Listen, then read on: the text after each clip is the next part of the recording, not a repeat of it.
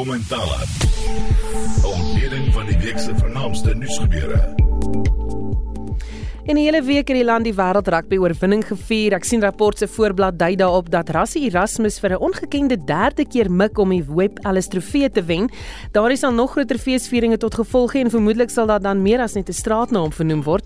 Intussen het dinge in die land nie stil gestaan nie wens die rugby nie. Welkom by kommentaar vanaand. My gaste professor Pieter Dievenage, politieke ontleder van Akademia. Goeienaand Pieter. Goeienaand Susan en aan die luisteraars en ook die mede-paneellede. Theo Foster van Galileo Capital, goeienaand Theo.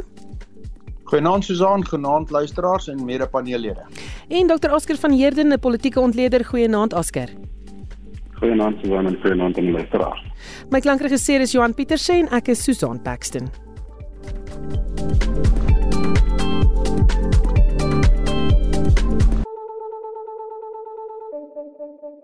Welkom terug by Kommentaar. My gaste, soos ek vroeër gesê het, professor Pieter Dievenage, Theo Foster en Oscar van Heerden.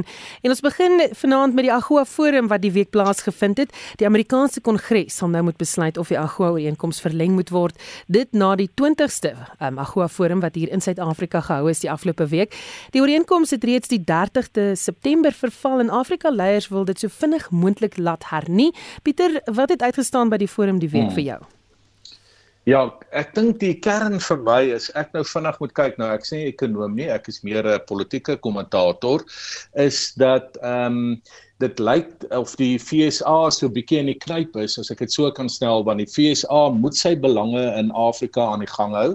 Ehm um, en ek vir ek het 'n baie sterk vermoede dat die kongres sal dit in uh, Januarie weer uh, verleng, maar nou gaan dit daaroor hoe Afrika sy belange verklaar het by hierdie konferensie die afgelope week in Sandton.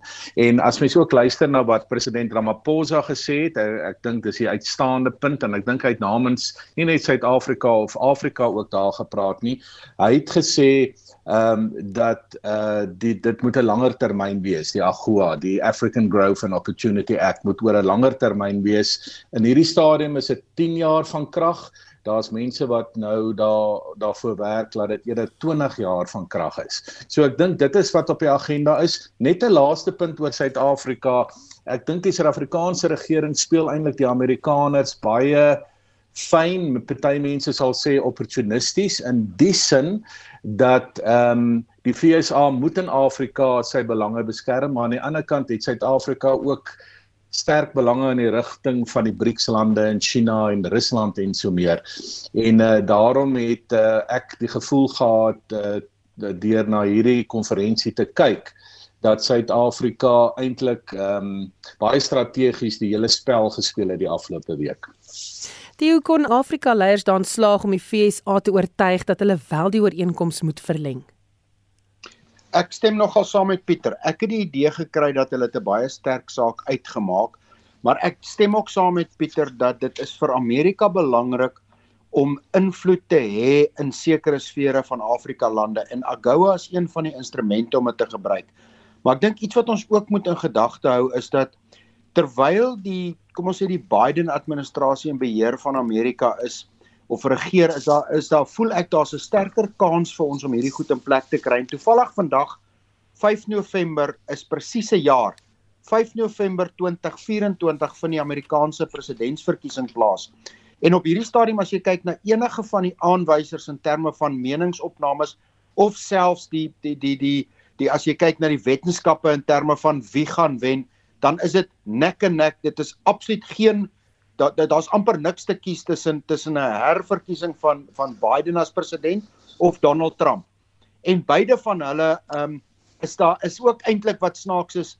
Die die daar is in elkeen van hulle is daar 'n 'n ander lid van die party wat soort van sy voet in die of 'n toon in die water hou. In die geval van die Republikeine is dit Nikki Haley en in die geval van die Demokrate Gavin Newsom die die goewerneur van Kalifornië, maar die punt van die saak is ek dink die momentum moet gedoen word terwyl Joe Biden in beheer is. Daar's te veel ander geleide wat kom uit van die ander kampe. My gevoel is dat Afrika Amerika het 'n vasstra plek of goedgesindheid in Afrika nodig, net soveel soos wat ons hierdie toegang tot die Amerikaanse mark nodig het.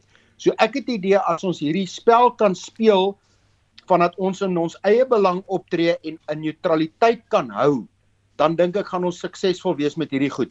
Die probleem is ek is nie altyd seker of ons diplomate die elegansie het en die vernuf het om hierdie spel te speel wat ons soort van onverbonde neutraal staan teenoor al die partye. Die terwyl aan die woord is sommige leiers wil 'n permanente ooreenkoms sê. Ramaphosa sê 'n behoorlike verlenging van die ooreenkoms is ook goed. Watter een is die beste en wat is die doelwit? Kyk, ek dink die die kerndoelwit is om sekerheid te kry want baie van die AGOA voordele om dit regtig te kry verg investering plaaslik. Nou of dit nou in die motorindustrie is, uh, wat jou terugbetaalperiode is 5 of 10 of 15 jaar is, of dit in die landbousektor is waar jou terugbetaalperiode 7, 8 of 10 jaar is, Jy wil die sekerheid hê om die belegging te kan doen sodat die opbrengs van daai belegging verdien kan word deur toegang tot Amerikaanse markte.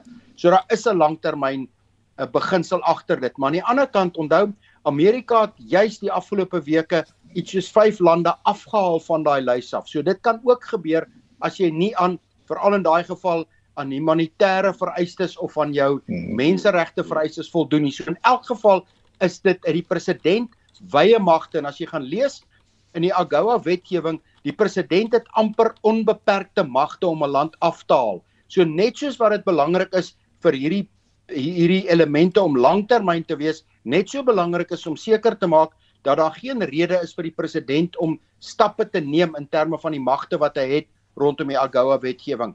Maar die langer termyn is juis daar want as jy byvoorbeeld landbouprodukte wil uitvoer of staal wil uitvoer of motors wil uitvoer, die investering om jou produk op die vlak te kry sodat jy die mark in Amerika kan bedien, verg kapitaal en tyd en is rondom daai wat die verlenging positief is. Oscar, daar is intussen lande uit die forum geskop soos wat Theo gesê het. So die FSA is ernstig hieroor. Daar was ook baie kritiek teen Suid-Afrika en sterk pogings deur partye in die FSA om ons te verwyder, so berig die Sunday Times vandag. So sake is nog nie heeltemal wat dit moet wees nie. Nee, presies. Uh, jy weet so van en ek dink ek stem saam met Pieter, daar is daai voor daai voordele wat hy van praat in terme van meer sekuriteit en uh, uh, meer stabiliteit uh, rondom 'n langtermyn, maar daar is ook 'n politieke aspek en ek dink dis ook een rede hoekom sy die Suid-Afrikaanse regering en die president probeer uh, voorsit dat ons miskien 'n langer 'n periode moet hê met die wanneer hulle weer daar wrywing tussen Suid-Afrika en die FSA. Ehm um, die FSA daar sekere senators in die FSA en en, en kongresmense wat geen sin hou van ons verhouding met som van die van die BRICS lande nie en ons verhouding met Cuba ehm um, en natuurlik ons buitelandse beleid wat hulle ook nou ehm um, 'n situasie meer kwessie het in terme van ons uh, ons benadering aan Rusland en China. En nou die nuutste ehm um, ons benadering met die die Israel uh, Gaza konflik die feit dat ons uh, minister van buitelandse sake Naledi Pandor natuurlik die leierskap van Hamas uh, gebel het en 'n gesprek gehad het saam met hulle en sodat al daai aspekte wat ook natuurlik nou in die pot is en ek dink tog ehm um, as dit kom by die kongres wat nou eh uh, dit dan gaan bespreek gaan al hierdie dinge weer eens op die tafel gesit word. Uh, ek stem saam met Pieter Intio uh, natuurlik is dit nie een rigting ding nie. Die, ja, die Amerikaners het ook ons voertuie nodig ons vrugte en groente en dis meer. Ehm um, maar soos jy self weet buitelandse sake vir die FSA en hulle nasionale sekuriteit soos hulle sal sê, is baie baie belangrik vir hulle. Goed, dit saak hier op eie bodem die Johannesburg Metro beleef 'n ernstige krisis en die president is die man om dit reg te stel sê hulle. Dis wat burgerlike organisasies in elk geval dink. Hulle het 'n oop brief aan president Ramaphosa geskryf om hom te vra om die koalisie gemors in die finansiële hoofstad van die land reg te ruk. Alskeer terwyl hy aan die woord is, mag hy hier ingryp. Wat sê die wet oor dit?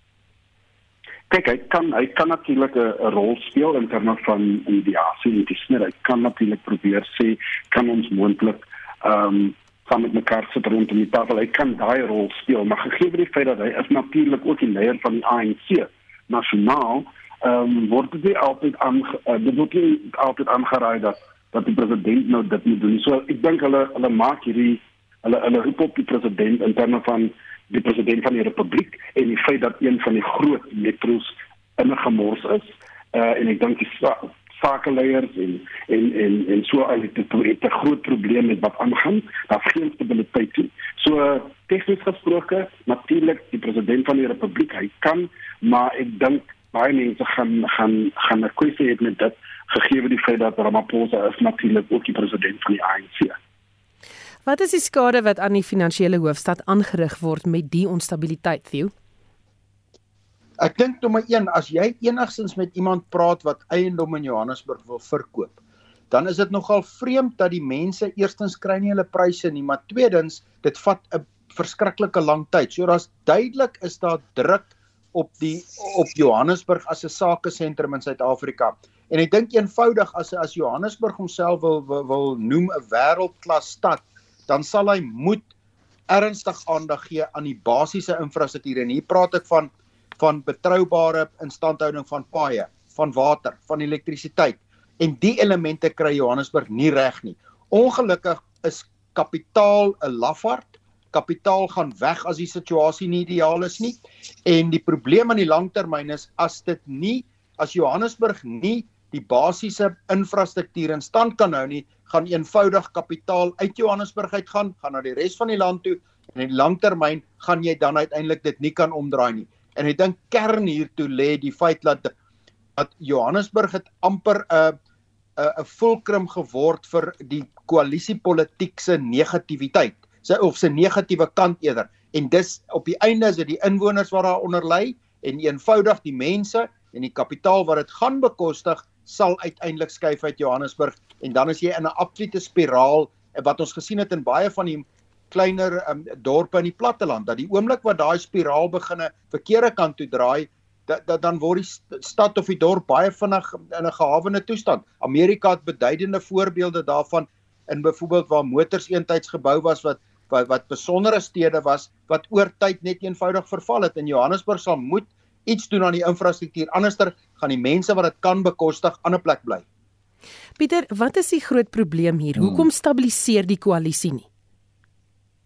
Wel, dit is 'n uh, eh, dit is nou al 'n ding wat al lanklik by ons is, Susan, en jy weet uh ek en jy het nou al baie hieroor ook saam kom met wel jy het nou nie saam kommentaar gelewer nie maar ek het al baie kommentaar oor hierdie ehm um, situasie in Johannesburg gelewe gelewer want ek woon hier in hierdie stad alhoewel ek werk nou in Pretoria in Centurion en uh weet sedert 2016 het ons 5 koalisies gehad en 9 burgemeesters, nê, nee, vanaf 2016.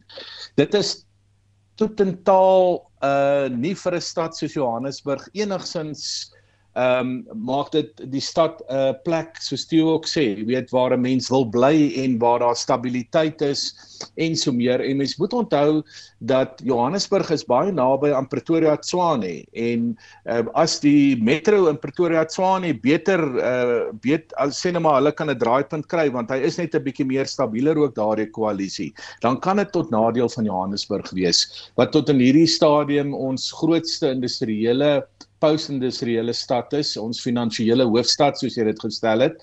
En uh, dit lyk net oor 'n uh, jy weet sedert 2016, dit is nou 7 jaar.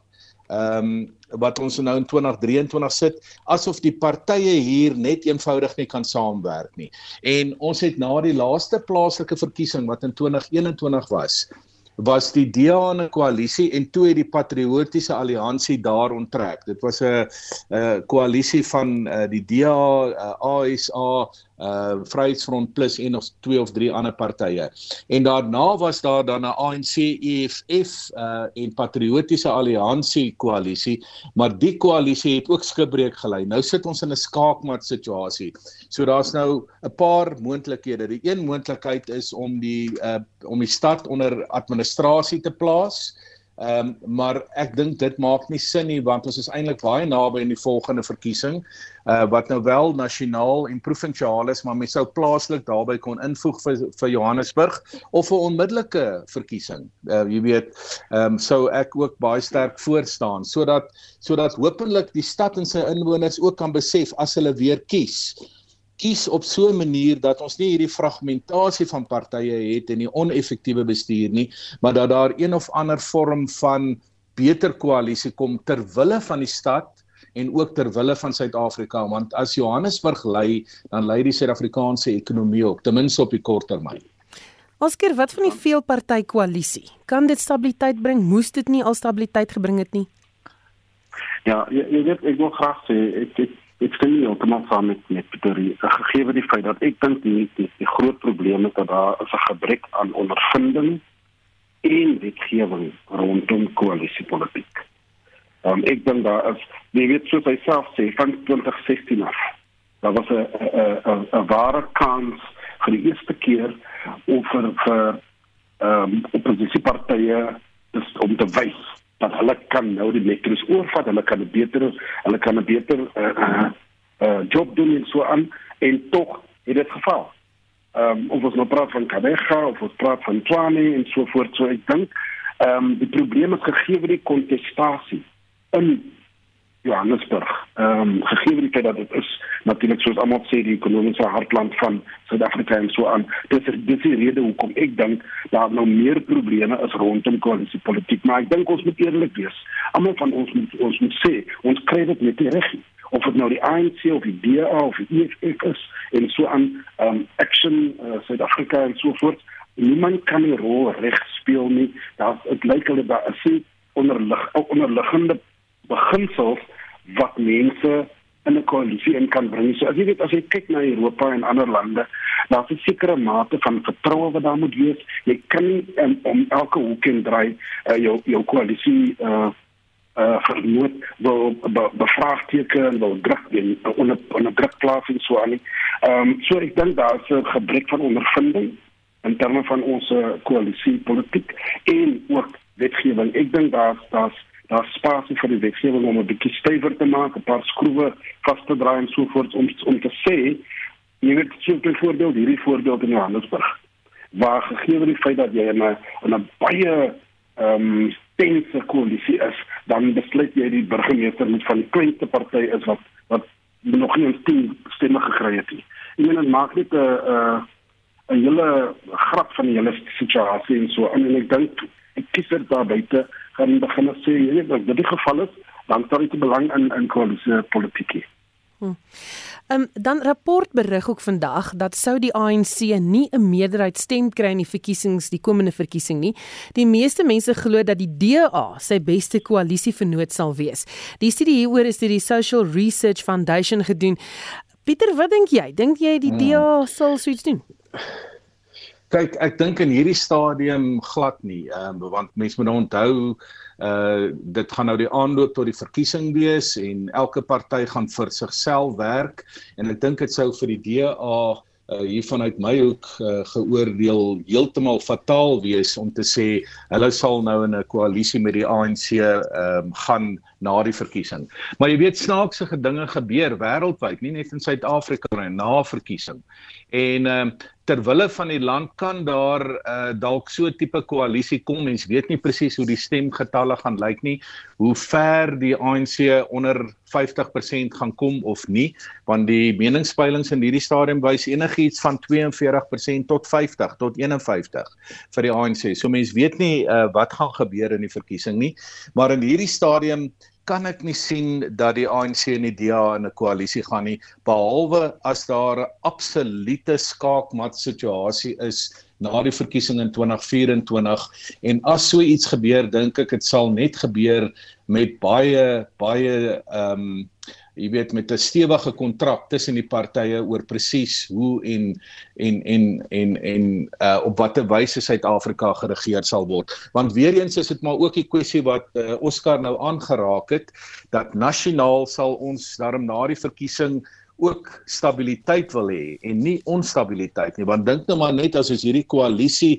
kaskenades as ek dit so kan noem hier in die noordelike metros ook op nasionale vlak het na 2024 en die skade wat dit vir Suid-Afrika kan berokken.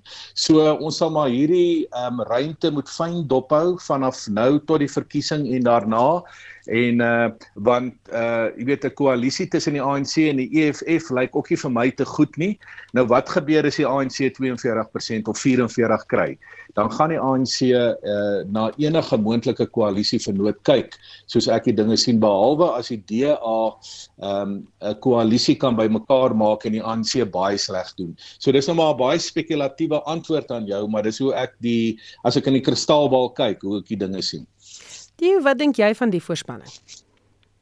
Ehm um, ek dink die die vertrekpunt is ek dink daar is in beide die partye die ANC en die DA moet ons onthou dat daar's verskillende faksies. Daar's faksies wat in die ANC wat baie gemakliker is om byvoorbeeld nader na die EFF te beweeg en daar's faksies in die ANC wat dit absoluut glad nie sal doen nie. Dan dink ek in die DA is daar ook verskillende indrukke van wat is die prys om 'n sê in die regering te hê teenoor om te hou by by, by van die uitsprake voor 'n verkiesing maar waar ek met Pieter 100% saamstem is, dit gaan afhang van die uiteindelike verkiesing en geen een van die partye, het sy die DA, die EFF of die ANC gaan beduidende uitsprake maak voor die verkiesing. Na die verkiesing sal hierdie gesprekke in erns kom en dan is ons waar as die ANC hoe nader die ANC aan byvoorbeeld 40% kom, hoe groter hoe belangriker raak hierdie gesprekke, hoe nader die ANC aan 50% kom, hoe minder belangrik raak hierdie gesprekke. Oscar, die studie het ook gesê dat Paul Mashatile nie die gunsteling leier is om Ramaphosa op te volg nie, maar Thabo Mbeki is glo wel 'n gunsteling. Ja, nee, kyk, ek ek het ook dit gesien, maar die feit van die saak is Thabo Mbeki is baie oud. Ehm um, ek dink jy weet hy is natuurlik populêr by mense hou van hom en so aan. Ehm um, maar jy weet self Susan, jy weet toe hy president was, het baie mense nie van hom gehou nie. so jy weet die die die, die situasie kan die houding teenoor Paul Mashatile in indien hy inderdaad inkom as moontlike toekomstige president kan kan altyd verander en jy weet hy maak een of twee goeie besluite um, en en dinge wat ons nie verwag het nie en dan skielik al almal van hom. Ehm um, so politiek is maar 'n uh, uh, uh, snaakse ding. Ehm um, maar ja, soos ek sê, mense so daar in Bekkie en en talle ander wat nou uh, veterane is in die ANC, hulle moet maar nie luister maar hierdie soort van uh uh polling polling uh, stories hier aan hulle hulle is nie dood. Oscar, maar dink jy Tambo Mbeki wil weer president wees? Man, jy weet ek die, die vraag wat ek altyd gevra het is, hoekom is hy skielik nou so ehm um, betrokke in terme van nasionale politiek en dis meer? Uh, ons ons weet vir 'n feit dat toe Mandela uh, in sy ehm um, aftrede wil uh, wil jy weet iets gesê het in terme van nasionale politiek het hy het hy vorm en en baie kwant kwadarige manier gesê jy moet jy moet net jou jou aftrede ehm um, geniet en nie jou bemoei met nasionale politiek nie maar uh, tog sien ons nou hy doen dieselfde ehm um, en hy raak meer en meer uit uh, jy weet uitsprake in terme van wat hy sê rondom nasionale politiek en internasionale politiek en dis meer so dit gee vir my die indruk dat uh, hy hy wil nog steeds um, 'n rol speel, hy wil nog steeds sy kant bring. Um, of hy natuurlik nou president wil word weer in van die ANC en uh, ek sien outomaties dat dit een van sy sy doel is. Hmm. Dan 'n ander storie wat interessant is, die week Caleb Kachalia wat verwyder is as die Askari minister weens sy eks oor Israel, sê hy sal appeleer teen die leier van die DA John Steenhuisen se besluit. Kachalia het op X gesê niemand sal hom stil maak nie, maar Israel is besig met 'n volksmoord waarna Steenhuisen hom ingelig het hy word verwyder as Askari minister. Kachalia sê hy sal steeds met sy werk vir die DA voortgaan want hy glo nog in die party. Die wat is jou gedagtes oor die gebeur? Ek dink eerstens dis 'n absolute tragedie wat gebeur in die Midde-Ooste. En en en en en sonder om enigsins te probeer uh verduidelik of oordeel, dis 'n menslike tragedie. So vir enige iemand om te gesels oor daai menslike tragedie, ek sou hoop dat daar in die DA meer spasie is vir sulke uitsprake en dat die DA net soos al die ander partye uiteindelik sal mens akkommodeer wat verwys na die absolute ehm um, 'n uh, uh, tragedie wat daar afspeel. Ehm um, ek hoop net nie en dit is dis ek het geen bewyse om dit te sê nie, maar ek hoop net nie dit was druk van 'n befondser iewester wat skielik ehm um, besluit wat die uitsprake in die beleid moet wees oor een of ander uh, loyale belange nie. Ek hoop net so nie, maar ek sou eerder wou gehad het dat 'n party soos die DA en die ANC en die ander politieke partye daai tipe ruimte toelaat vir iemand om te gesels oor iets wat watter kant jy ook al van daai draad sit, dis 'n menslike tragedie. Pieter Hmm. Ja, kyk, uh, dis dis 'n moeilike een en die, want aan die een kant enige politieke party het 'n bepaalde kom ons moet nou maar beleidsraamwerk ehm um, en daar moet ook interne dissipline in 'n party wees. En ek dink wat hier gebeur het is dat die DA se amptelike posisie oor hierdie tragedie en daar ek stem saam met jou, daai is daai is vir my die sentrale begrip as mens vandag praat oor wat afspeel in Israel en Gaza. Dis 'n tragedie. Nou, ehm um, die DA het 'n amptelike standpunt hieroor en in breë trekke gaan dit daaroor dat die aanval van Hamas word veroordeel, maar dat die DA ook vir 'n twee-staat oplossing is in Israel en dat daar gehou moet word by die Geneefse konvensie rondom oorlogvoering en so aan. Ehm um, en ek dink dit is uh dit is die reg van die DA dat dit sy amptelike posisie is. Nou meneer Galeb Kashalia het nou 'n ander standpunt gehad uh daaroor um, hy het 'n ander argument en toe is hy nou verwyder as woordvoerder oor openbare ondernemings of van uh, die persoon in die skadu kabinet daaroor. Um en ek dink die DA het nie eintlik 'n ander keuse gehad om dit te doen nie. Ehm um, maar meneer Kashalia bly in die DA. Dit wys jou dat die dat die DA daarom ook nie uh, 'n uh, tipe autoritaire organisasie is nie. Dit dit laat gesprek binne die die die party toe. Uh, mense sal natuurlik moet sê, sien hoe die ding verder ontvou want as meneer Kashalia byvoorbeeld van hier af die party gaan aanval, dan gaan dit uh, die DA dan gaan dit uh, ek kan voorspel dan gaan dit die dinge baie onhoudbaar maak. Maar mense sal nou moet sien wat wat ontwikkel. Dalk kan hulle dit onderling ehm um, jy weet op 'n sekere manier uh, bemiddel en en ooreenkom dat hulle uh, in hulle verskille uh, eensgesind is. Ehm um, uh, dit gaan dalk heel moontlik die die dit dit sou dit dalk gaan uitspeel. Ehm um, maar uh, dit wys nou ook maar weer eens vir ons ook binne Suid-Afrika dat ons is maar 'n komplekse land en dat enige party uh, watter party dit ook al is gaan ehm um, ook onderling uh, binne sy strukture uh verskille moet kan hanteer en hopelik op die mees verantwoordelike manier wat uh, moontlik is.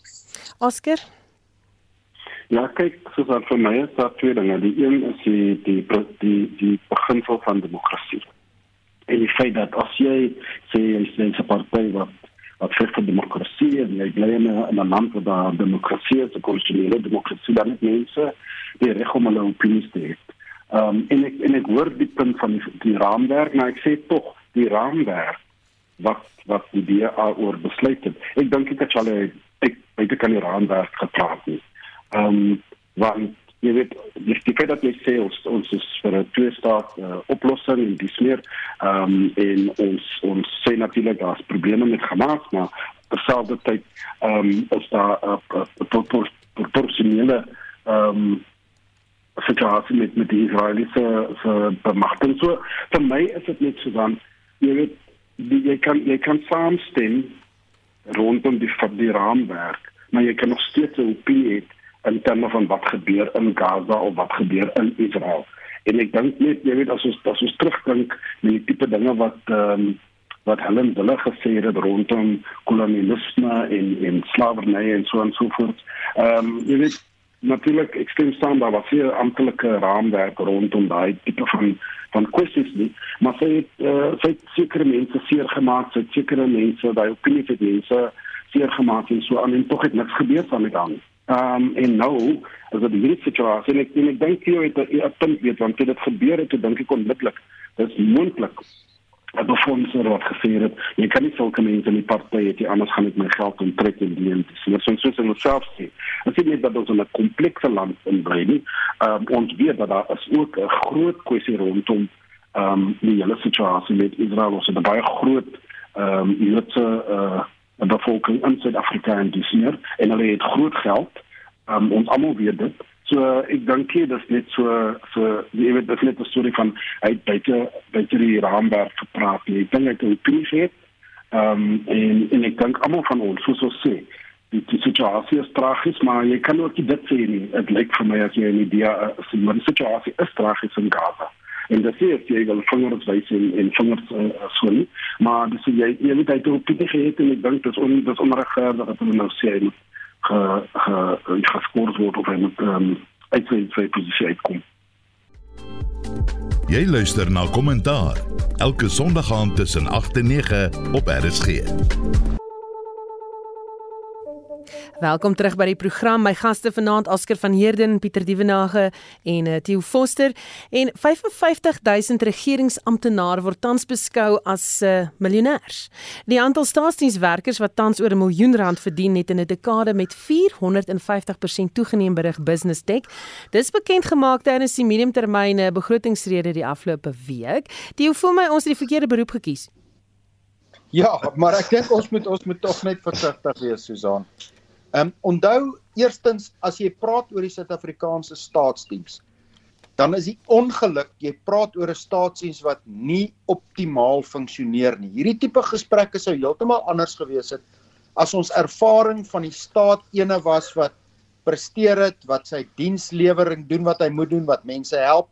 As ons 'n wêreldklas staatsdiens gehad het, was hierdie 'n ander gesprek, maar wat hierdie gesprek nou baie moeiliker maak is die feit dat die staat is nie regtig 'n wêreldklas funksionerende staatsengine nie. Maar jy moet ook 'n paar goed hier onthou. Nommer 1, ons praat hier ook van mediese spesialiste in staatshospitale. Ons praat van regters, ons praat van veeartse wat moet help met alle biologiese uitdagings. Ehm um, ons praat onder andere van uh, jy kan byvoorbeeld sê ons sê gereeld daar's nie kundigheid in die nasionale vervolgingsgesag nie. Wel ons praat van daai tipe kundiges wat hierdie tipe salarisse verdien. Ons praat van regters, hierdie mense. So mens moet dit aan die een kant sit, maar aan die ander kant ons het 'n heeltemal te duur staatsdiens en ek dink 'n syfer wat jy baie mooi moet na kyk is wat is die staatsdiens salarisrekening relatief tot ons BBP? En die wêreld gemiddeld is orde grootte 10%. Ons is by 13%. Dit beteken ons is rondom 30% duurder om ons staatsdiens aan die gang te hou. Maar het verwys na die mediumtermyn begrotingsraamwerk ek dink die groter uitdagings in daai raamwerk is dat die die diens van ons skuld was 15 jaar gelede rondom 8% van die totale begroting, die uitgawe van die staat. Dis nou meer as 20%. Dit wil sê daai spasie tussen 28 eh, tussen die 8% en die 20% kom uit ander begrotings. En terwyl ons die staat soveel meer uitgee as wat hy inkry, gaan die skuldfaktor, die diens van skuld al groter word wat al minder laat vir ander elemente in die begroting. Maar daar is tog twee goed wat vir my daar uitkom wat vir my genoem is wat vir my baie positief was en dis die een dat die minister het duidelik gemaak dat hulle het lesse geleer by Eskom dat wanneer 'n staatsbeheerde entiteit in die moeilikheid is, moenie al die fokus plaas om daai mislukte entiteit te probeer omraai draai nie fokus eerder op die sektor waarna hy entiteit is. In die geval van Eskom, fokus op die elektrisiteitsvoorsiening en verspreidingssektor en nie noodwendig op Eskom nie. In die geval van SAL, ek meen daar's iets soos 25 vlugte van Johannesburg af Kaap toe elke dag. SAL was nie nodig nie. Ehm um, jy jy kon die sektor uitsorteer en ek dink dis wat die minister gesê het in terme van Transnet en logistiek. Fokus op die sektor en dit maak my opgewonde want as die fokus is om die staatsbeheerde entiteit om te draai, is dit 'n doodloopstraat. Die tweede ding wat wat ek dink wat nogal positief was daaruit is dat die minister het gesê dat ons gaan in Februarie detail kry van hoe die privaat sektor betrokke kan raak by beleggings in infrastruktuur. Die privaat sektor sit met beduidende hoeveelheid kapitaal in Suid-Afrika. As jy maar kyk na die deposito's by die banke, as jy kyk na die hele pensioenfondsbedryf, maar daai kapitaal wil 'n belegging hê met 'n risiko-aangepaste opbrengs. En die oomblik wat die regering daai tipe beleggings oopmaak, is ek seker daar's kapitaal, maar dit is 'n kopskuif van die regering se kant. Net toevallig. Nou ek weet nie of vir die Springbokke se wen is verlede Saterdag of die minister se mediumtermyn raamwerk nie, maar finansiële markte het 'n besondere sterk week agter die rug. Die JSE is op met 5%. Die rand is sterker met 3%. Ons kapitaalmark 10 jaar leningskoers was verlede of die week voor verlede week rondom 10,7 10,8%. Hy's nou minder as 10,3%. So in verlede week het die markte skielik 'n ander siening geneem. Ek weet nie of die springbokke hulle seker 'n rol gespeel, maar skielik het die markte so 'n bietjie van 'n ander siening begin neem oor Suid-Afrika se staatsfinansies. Nou een week is is bitter min om 'n tendens in te lees en een week kan jy glad nie sê is iets wat 'n tendens verandering nie. Maar die finansiële markte, die aandelemark, die geldeenheid en die regering se skuldmark het positief, sterk positief die afgelope week gereageer. Dio, ek wil vir jou vra, almal is hmm. bekommerd dat belasting verhoog gaan word. Moet ons bekommerd wees? Uh indien die ekonomie nie aan die gang kom nie, ja. Die die minister het duidelik gesê dat hy moet orde grootte 15 miljard rand se ekstra inkomste kry. Nou waar kry die regering ekstra inkomste by die belastingbetaler? Orde grootte beteken dit so wat 1% verhoging vir almal. Dit kan natuurlik gedoen word op baie maniere. Dit kan gedoen word deur byvoorbeeld as jy al die mediese aftrekkings wat jy kan aftrek van jou belasbare inkomste eenslap wegvat, dit kan dit ook doen. As jy BTW opskuif, dit kan meer as dit bring. As jy die belastingkoers vir elke Suid-Afrikaner met 'n persent verhoog, kan jy ook daarby uitkom. So daar's 'n legio maniere om daarby uit te kom. Maar as ons ekonomie nie sterker groei as wat die tesorie verwag nie, gaan daar 'n 15 miljard rand se belastingverhoging moet inkom. Wat ons kan regkry is deur bietjie sterker ekonomiese groei, bietjie groter positiewe groei, minder uh, hulp aan aan staatsbeheerde entiteite, is dit nie 'n uh, noodwendig gaan gebeur nie, maar die minister het 'n duidelike oranje lig opgesit en sê Suid-Afrikaners, as hierdie ekonomie nie aan die groei kom nie, gaan ek in Februarie belastingverhogings na julle toe moet afwentel anderster gaan my boeke wat reeds nie klop nie nog verder in die moeilikheid wees. Oscar, is jy bekommerd oor ons finansies? Ja, skielik ja, nie definitief. Uh definitief. En dan so so so jy sê, die minister het klop nie doekies omgedraai nie. Um ons is in 'n in 'n situasie in. Um jy weet dan dan van die miljonêers, uh met drie punte. Ek bedoel Peter maak die punt van professionele mense. Ek gaan nie weer dit sê nie want daar is mos nou kompetisie. Hulle kom daar is hulle word gekom hulle kompeteer teen die private sektor. Jy weet eh, dis nou net hoe dit is of jy nou vier arts of dokters of meer wil hê, jy sal wel groot geld moet betaal andersins gaan hulle na die private sektor toe en dis net hoe dit is. Ehm um, die tweede punt is die staat is natuurlik die grootste werkgewer in die land. Ehm um, en dit is nou vir 'n hele lang tyd al die geval. So ek jy weet as mense sê dit maklik om ewe dit maklik om te praat van mense miljonair, maar ons weet ook daar's talle talle mense en ek dink baie van hierdie 50000 uh staatsamptenare val in hierdie kategorie wat ook groot groot skuld het.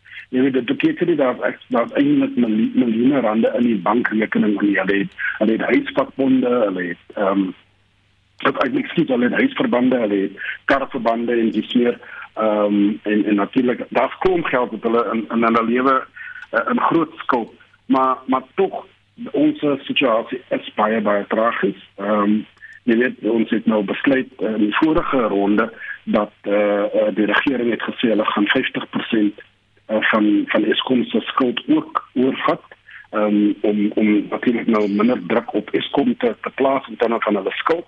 Ehm um, en tog hoor ons nou dat Transnet is ook nou in die moeilikheid en hulle soek 500 uh, miljoen rand um, om hulle self uit die mark te bring en so aan en so voort. So ons is in 'n groot gemors.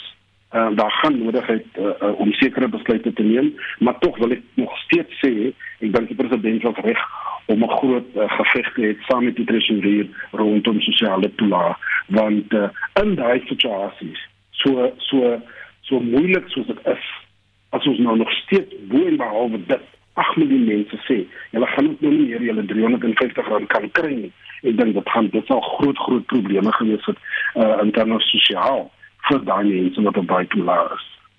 Pieter? Ja, ek dink die uh, die wesenlike dinge is gesê. Um, ons het 'n ons het nie 'n baie goeie staatsdiens nie, maar hierdie 55000 mense waarna jy verwys wat nou uh, miljonêers is, mense moet onthou dis randmiljonêers en die rand uh lyk nie baie goed teen die ander geldeenhede in die wêreld nie. So mense moet net dit sê. Ek dink uh die belangrike ding is maar net dat die regering sal moet kyk uh na hoe verhogings plaasvind rondom staatsdiensamptenare. Ek dink die laaste verhoging was in Maart 7.5%. Nou dit was nie verskriklik nie. Dit dit was min of meer in lyn met inflasie, maar as mens kyk oor 'n 10 jaar periode, dan het die staatsamptenare eintlik baie goeie verhogings gekry ver bo die privaat sektor. En daai daai balans tussen uh, publieke sektor en privaat sektor moet reggetrek word en aan die ander kant moet daar Ehm um, maar die heeltyd na die salarisrekening gekyk word want uh, ook soos Oscar nou gesê het met toelaas en ander dinge ehm um, die staat het groot verantwoordelikhede en ek dink een van die plekke waar gesny kan word is um, om die salarisrekening onder bedwang te hou en om verder te probeer om die staat so professioneel as moontlik te maak uh, wanneer dit by staatsamptenare kom. Uh, maar dit lyk my die ANC slaag nie daarin nie. En uh, ek dink die enigste uitweg vir Suid-Afrikaners is as hulle nie hou van hoe die staat ekonomies bestuur word nie het hulle volgende jaar by die stembus 'n kans om hulle stem uit te bring oor hoe die staat ekonomies bestuur word. Want um, dit is die een geleentheid waar burgers kan inspel en hulle hulle beslissing kan maak. Want ons het nou amper 30 jaar van ANC ekonomiese bestuur en hoe die staat bestuur word en uh die uh getuienis lê voor ons. uh en en ek dink die burgers moet definitief ehm um, moet moet 'n besluit hieroor neem. Ons is eintlik in 'n sekere sin in 'n krisis as dit kom rondom ons ekonomie. Dit is maar vanuit my oogpunt en uh hierdie krisis kan na my mening net opgelos word by die stembus. Die Sunday Times se voorblad is ook interessant vandag. Kerke is sagte teikens vir rowers. Aandienste word gekanselleer weens vrese vir aanvalle en dominees vra mense selfs om nie geld te bring vir kollekte nie. Nou aanval op kerke veral in Gauteng raak 'n al groter probleem. Oscar, waarop dui dit? Wat gaan hier aan? Dit dui op die eenvoudige rede dat misdaad is 'n groot groot probleem in ons land. Die Suid-Afrikaanse polisie diens uh, gee vir ons geen sin te diens nie uh, in baie gevalle is hulle deel van 'n kriminele netwerk baie van hulle. Um, as ons praat van met mense op die grond as ons praat met familielede in in die Weskaap en dis meer almal sê vir ons vir my die die polisie is betrokke hulle weet presies waar die dwelling hulle weet presies wie doen dit en dat maar hulle doen niks daaroor en daarom toe nie. Ehm um, so dis 'n groot probleem. Misdaad is 'n groot groot probleem in Suid-Afrika en ons Suid-Afrikaanse polisie diens so as so al sê die president dat hulle maak sekere uh, hulle het nog sekere dinge reg gekry oor die afgelope paar maande in terme in terme van Zama Zama en, en kom ander dinge maar oor die algemeen is daar groot groot probleme in Suid-Afrika in terme van sekuriteit en misdaad. Hm. Ehm um, Theo, dit is 'n uh, redelike slegte storie eintlik. Ehm um, wat maak jy hiervan? Ja, ek dink is net 'n slegte storie, punt. Ek dink dit wys ook net vir jou die benarde situasie wat baie mense in Suid-Afrika is en dit dit aan die een kant is dit die polisie maar aan die ander kant is ons sit in 'n land met beduidende armoede um, en beduidende werkloosheid net net om terug te kom op die want hy sluit hierby aan die die toelaatpunt.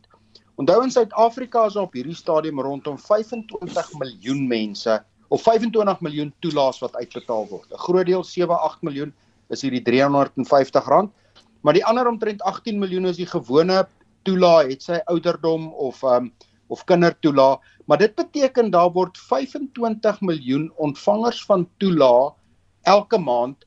Reken ons regering is betroubaar. Hulle betaal elke maand. Is voorspelbaar. Jy gaan jou geld kry en is 'n omgee regering.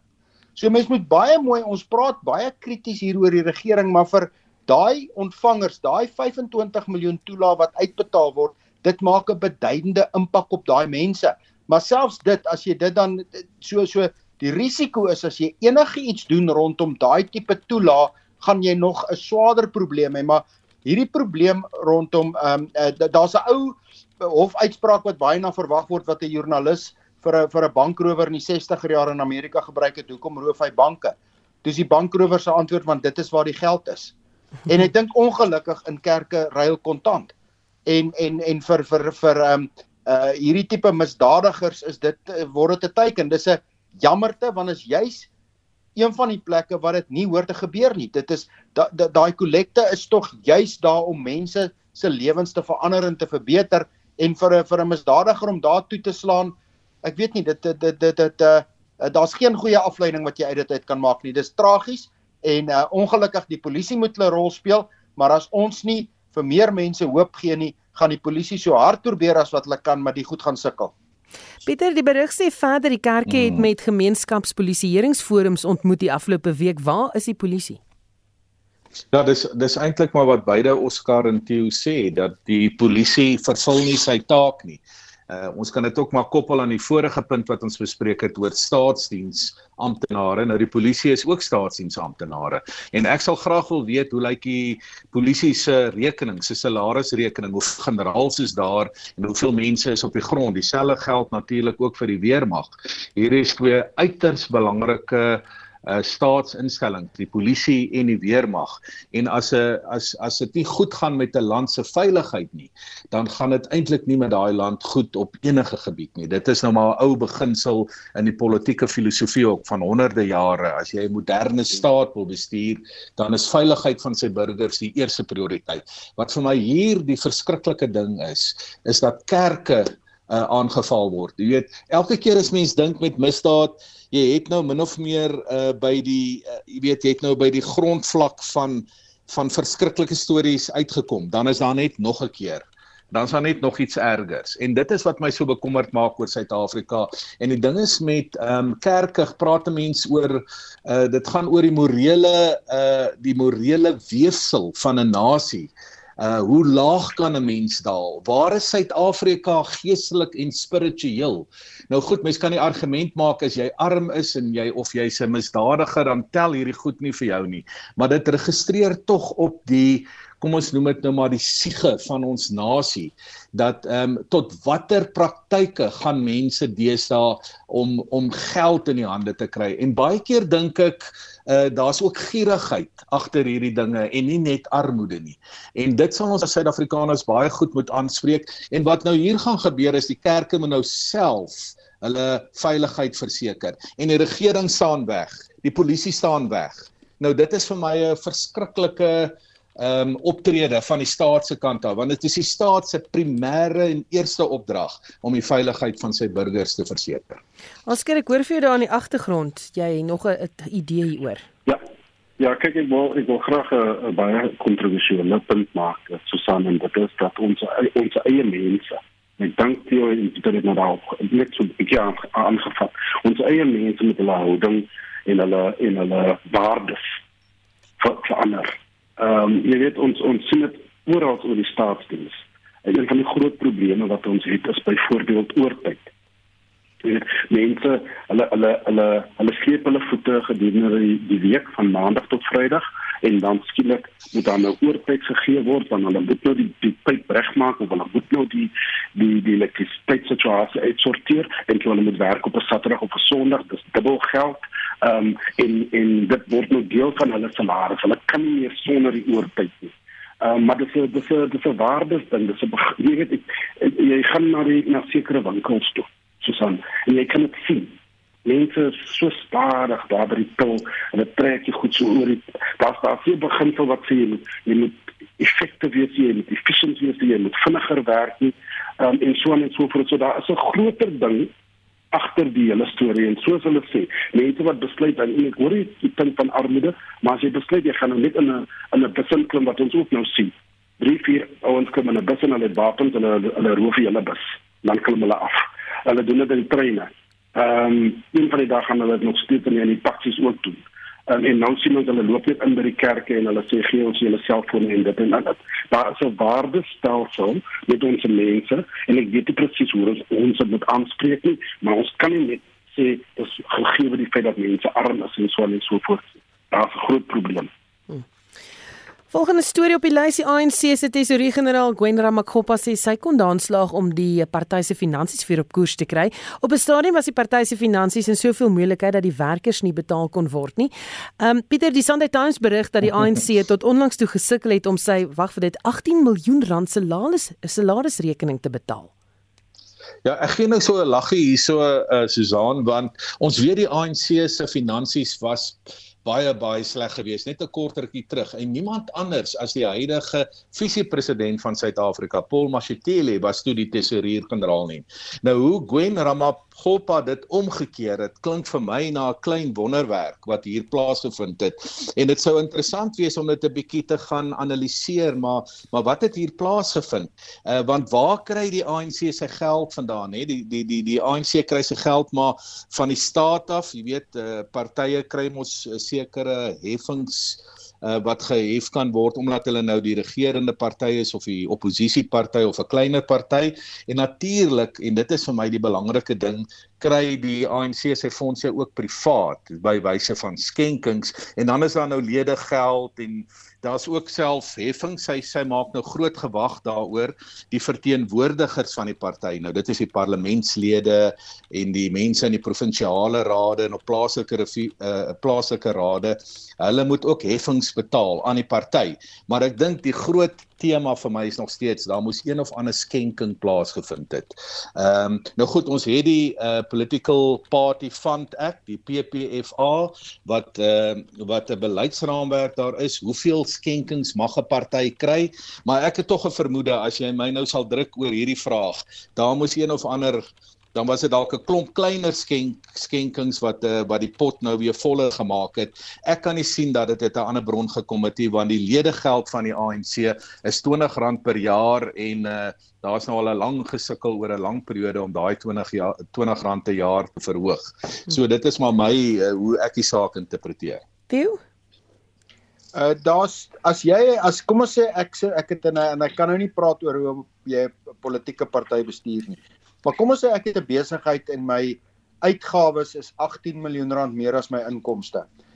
Of ek het hierdie maatskappy of Paul Mashatile die party so vrot bestuur dat eendag iemand anders kon inkom, die uitgawes sny, inkomste terugkry en skielik, voilà, daar maak die ding, daar's breek jy gelyk. Wat natuurlik ek dink amper onmoontlik is. Ehm um, dis nie so maklik om skielik uh, daai geld uit die lug uit te te kry uit jou uitgawes en inkomste nie. Dit beteken daar moes iemand iemand iemand gekom het in die gat vir jou toegemaak het. Nou daar is allerlei gerugte oor wie dit kon sy sou kon wees en ek wil nie daaroor gesels nie want ek dink daar's daar's geen bewyse daaroor nie en ek dink jy jy jy kan nog al 'n klap kry as jy die verkeerde party noem maar daar's allerlei partye en in individue lande wat genoem word wat hierdie gat toegemaak het maar ek stem heeltemal saam met Pieter om die uitgawes en die inkomste te balanseer en skielik 'n jaar of 18 maande later ehm um, het jy so goeie werk gedoen iets wat Paul Mashatile nooit kon regkry nie. Jy kon dit regkry. Dis bietjie dik vir 'n daler. Ek dink eerder iewester het uh, het iemand daai gat vir hulle toegemaak en as jy 'n politieke party soveel geld gee om so gat toe te maak, gewoonlik gaan jy iets verwag as jou deel van hierdie bargain om dit in Engelse term te gebruik. Ek weet nie wie dit was nie en ek weet nie wat hulle deel is wat hulle wou gehad het nie, maar hierdie gat is na my beste wete en my afleiding is deur iemand toegemaak. Oscar is dinge soos hy sê dit is en hoe belangrik is dit dat die party nou sy finansies regkry voor die verkiesing en die publiek laat weet dat dit reg is. Ja, kyk, dit dit is natuurlik belangrik. Ehm um, en uh, on, jy weet ek ek hoor wat uh, Pieter sê hy wil nou 'n bietjie aan die syskant wees, maar ek sal ek sal sê ehm um, vir my dit is die ANC daar's daar's 'n populêre storie in die ANC um, toe Mandela van die tradisionele ehm um, Nkosi districts toe gaan hulle en hulle gaan sien die die Brunei se ehm se leier. En en jy weet uh, Nkosi vertel die storie waar die die Brunei se se leier het 'n check geskryf en toe stuur hulle so die tafel na Mandela toe en Mandela kyk dit en en Nkosi sien toe die bedrag en hy is toe nou baie in sy skik en hy dink dit kan nou ver gaan om te help en Mandela stoot dit toe terug en hy val amper van sy stoel af sê hy in Kosi want toe sê Mandela vir die leier ja maar jy kan vir die Palestina meer geld gegee so jy kan 'n bietjie meer aan aan hier um, en so maak dit groter. So die ANC het maar daai kultuur om rond te gaan en te gaan vra vir geld en so aan. Ek dink tog die finansies as ek nou mooi dink die finansies van die ANC het verbeter nadat die president en 'n paar van die mense Saudi-Arabië toe gegaan het Ek weet daar word gepraat van Rusland en so voort, maar ek dink tog NBS uh, Mohammed Al uh, bin Salman uh, hy het miskien iets te doen met met die die die storie van die geld in die ANC. Ehm um, maar ja, ons sal maar sien. Nee, maar dit is definitief die help die ANC. Ehm um, en dan van hulle verkiesing en om hulle finansies te stabiliseer en ek dink die ANC daar gespreek in die ANC wat ook sê hulle word nou te groot Hulle kan nie enige provinsiale kantore en streekskantore onderhou nie. Ehm um, en so voort so daar is gesprekke in die, in, in die party wat sê hoe gaan ons nou ehm um, 'n bietjie kleiner word en meer effektief ehm um, ons geld hanteer. Hm. Goed, die laaste storie vir vanaand dat ons tyd is besig om uh, vinnig uit te hardloop. 'n Groep onder leiding van Frank Chikane of eerwaarde Frank Chikane het onder die vaandel van Cairo Southern Africa internasionale leiers gevra om die volksmoord in Palestina te stop. Hulle sê hulle kan nie meer toekyk hoe Israel onskuldige mense in Gaza doodmaak nie. um, Baie kontroversiële oorlog wat plaasvind. Julle indrukke van die gebeure in Palestina, Theo? Ek dink dit is 'n tra tragedie. Ek dink dit is 'n tragedie wat um, elke party het sterk het 'n sterk saak hoe daai party daaroor dink, maar is dit is vir my net 'n absolute menslike tragedie. Die mense wat onskuldig om dit is, het sy die op die 7de Oktober se aanval of die mense intussen, dis 'n absolute tragedie en hoe gouer op een of ander manier hier 'n skietstilstand van soorte en 'n tipe van 'n 'n menslike korridors geskep word, hoe beter. My opsomming, dis net 'n een eenvoudige tragedie vir mense. Ehm hm. um, die woord volksmoord Pieter word al meer gebruik. Jou gevoel daaroor? Ja. Kyk, dit is 'n gelade woord want uh dis self binne die Joodse konteks is die ehm um, die volksmoord is natuurlik die Holocaust. Uh jy weet, ehm um, so dit is 'n baie gelade woord. Ek ek kan maar net van my kant af as ek moet kommentaar lewer hier oor hierdie en en ek dink Theo is reg. Um, ek het self in my eie navorsing vanaand die woord tragedie uh, hy het dit nou baie gebruik het ek het ek ook uh, was vir my die sentrale begrip maar ek ek dink ons moet nou maar net hoop vir koel koppe van hier af. Uh, 'n skietstilstand so gou as moontlik. Uh, die gijslaers wat uitgelewer moet word maar uiteindelik is dit vir my die groot kompleksiteit wat hier op die tafel is is kan 'n mens nie 'n politieke oplossing kry in die, in terme van 'n twee staat oplossing of wat ook al nie. Ehm um, ek dink die wêreldgemeenskap, die Verenigde Nasies, die groot moondhede ehm um, het hier 'n baie groot verantwoordelikheid saam met Israel en die Palestynë om hier 'n oplossing te kry wat meer duursaam is as wat ons dusver ehm um, ervaar het. Oscar, wat is jou gedagtes oor hierdie en oor hoe die VN die saak hanteer? Je weet, uh, dat, ik wil vaststellen dat het baie tragisch wat gedoen wordt. En ik zou verder gaan en zeggen, uh, gegeven het dat ons nou plannen gezien hebben, uh, of, het, of het nou uh, geïmplementeerd gaan worden of niet, maar daar is plannen van zekere departement, de regeringsdepartement in Israël dat sê hulle wil graag 'n etniese suiwering doen. Hulle wil al 2 miljoen uh, Palestina in in die Sinai woestyn in in in forceer. Ehm um, en feit dat daar hulle het dit al voorheen gedoen al. Jy weet as dit nou net iets gewees het wat van die van die lig af kom, maar die feit dat daar was al reeds 'n etiese suiwering in 1948 met die eerste Nakba, sê vir ons dat die Israeliete kan dit doen. Uh, ag, die Israel Israelies kan dit doen. Ehm um, en ek sal dit by hulle sit as hulle besig is met so 'n plan nie. Uh, gegee die feit dat hulle so indiskriminerend nie uh, besig is om mense op te blaas en en te bom en so voort. Hmm. Is baie baie tragies. Nou ja, dit is natuurlik waar ons dit dan gaan laat vir vanaand. Dit was kommentaar. My gaste was professor Pieter Dievenage, politieke ontleder van Akademia, Dr. Oscar van Heerden, 'n politieke ontleder en Theo Foster, ekonom van Galileo Capital. My klankregisseur is Johan Pieterse. My naam is Susan Paxton. Geniet die res van jou aand in die geselskap van RSG. Thank you